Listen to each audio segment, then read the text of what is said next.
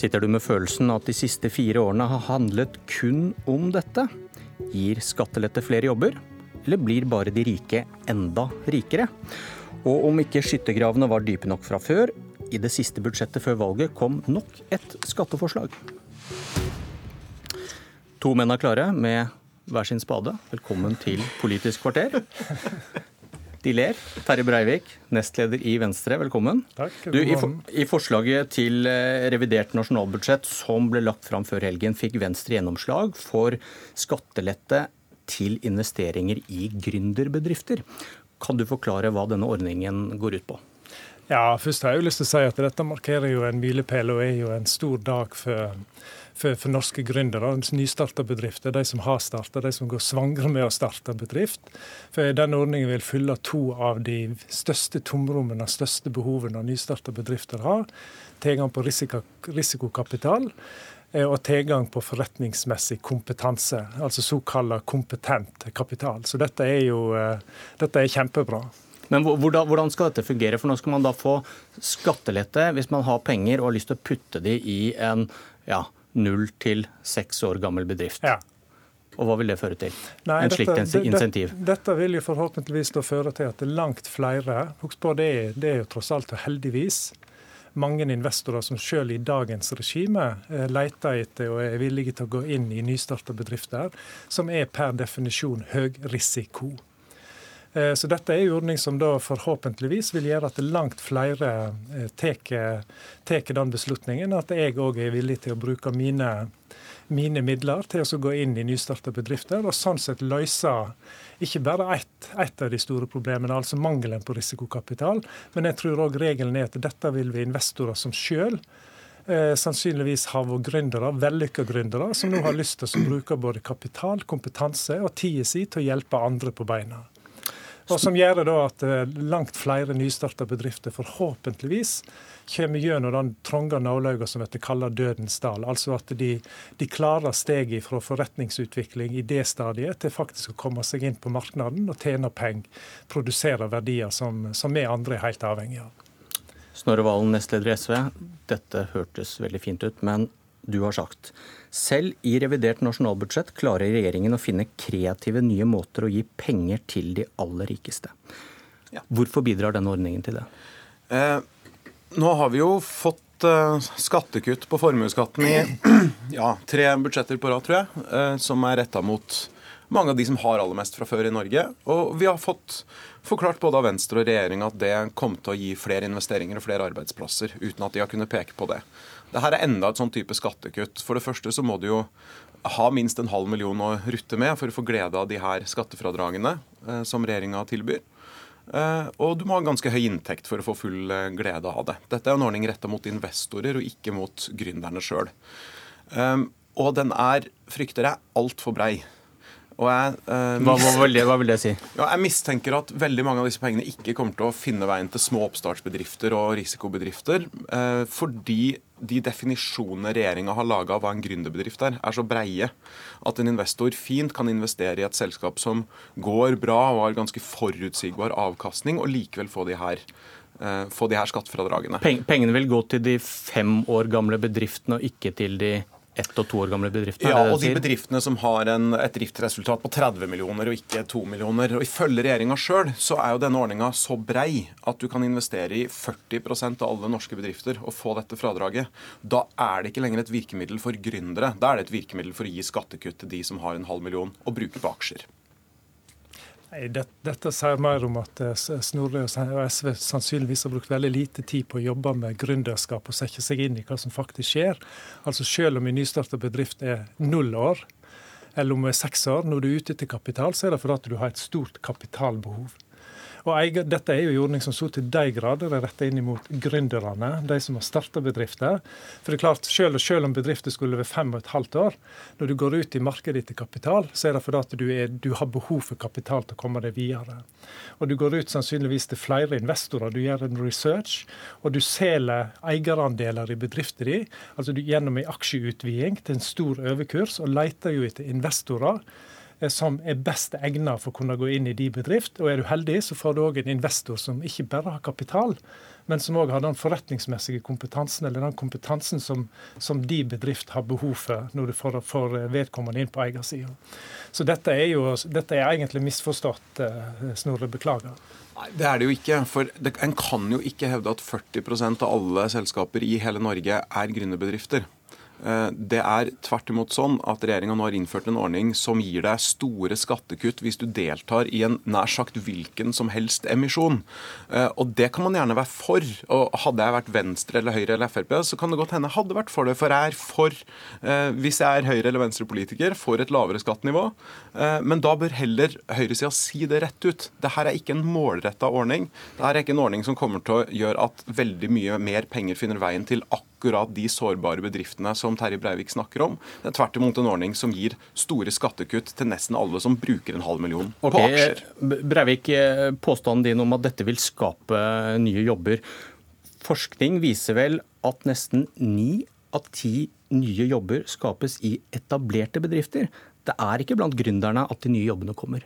Det er jo ikke noe selvmotsigelse mellom de to. Er, du er jo nødt til å ha to tanker i hodet samtidig.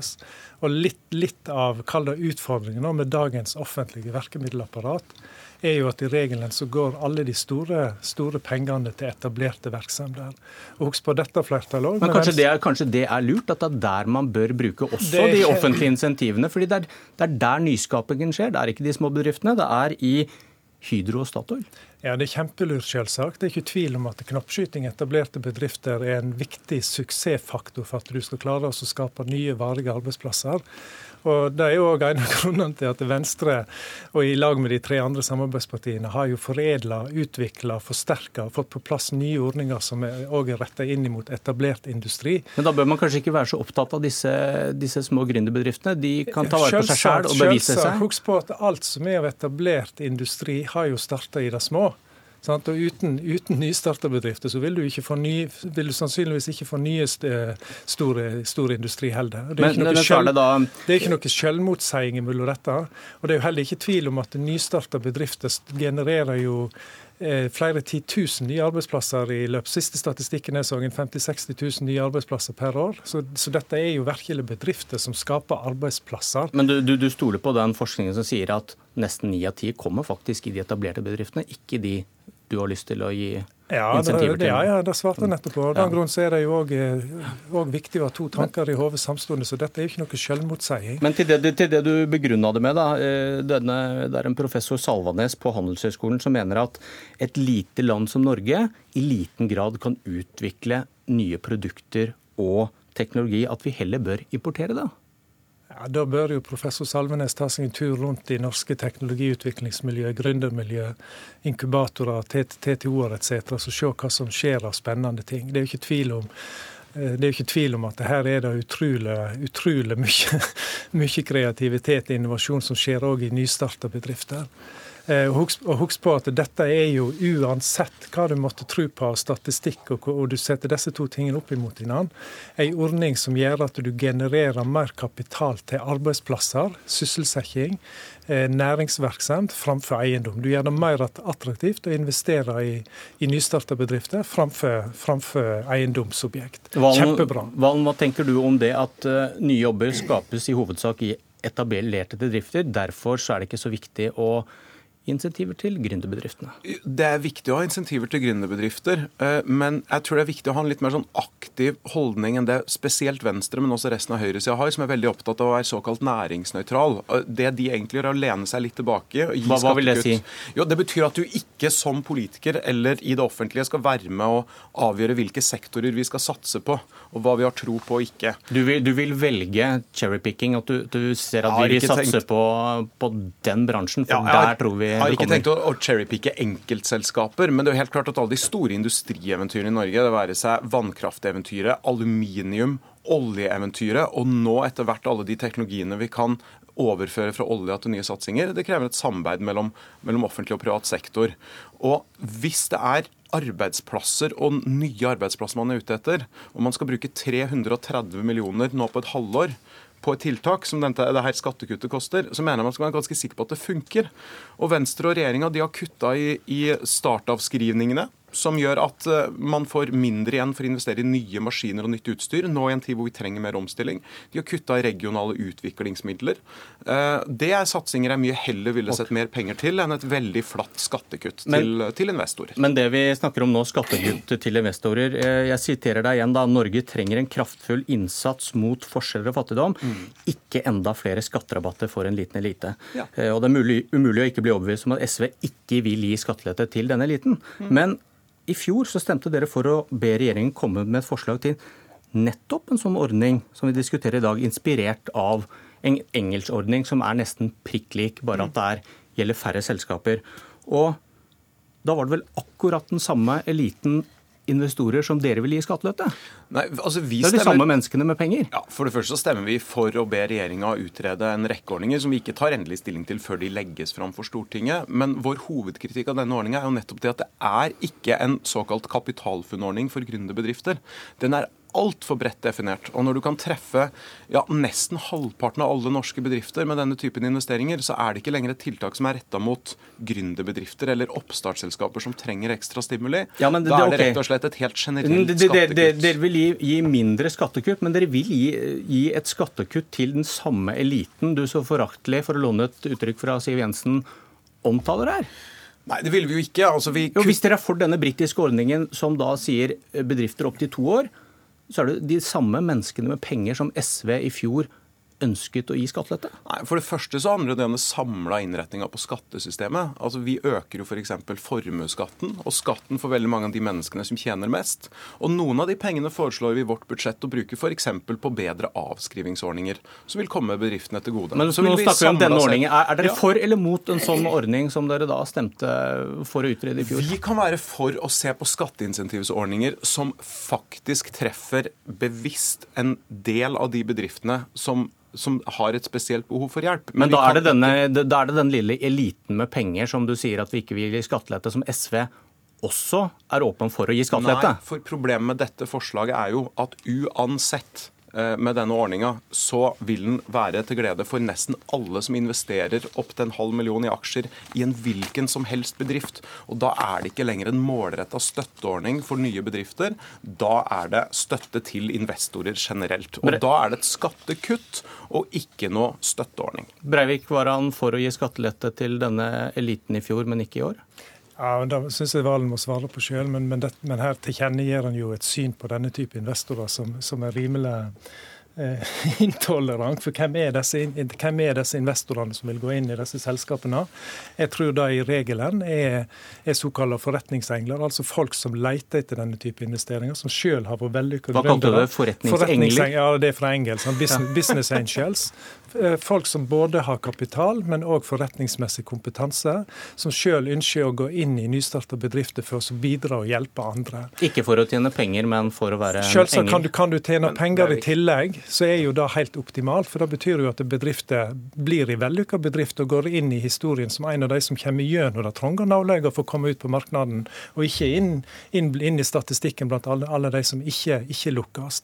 Husk på sant, gründere, investorer, bedriftseiere Snorre Valen. Sånn altså Folk som sjøl er villige til å ta stor personlig risiko, er jo fantastiske mennesker vi trenger flere av, ikke mindre. De er sikkert fantastiske mennesker, og vi har jo ikke noen sånn karakterdebatt om disse menneskene her, men det er jo ikke gründerne som først og fremst vil få glede av de her pengene. For hvis jeg er investor og jeg veit at regjeringa og Venstre uansett gir meg 120 000 kroner i år i skattekutt hvis jeg bruker en halv million på aksjer.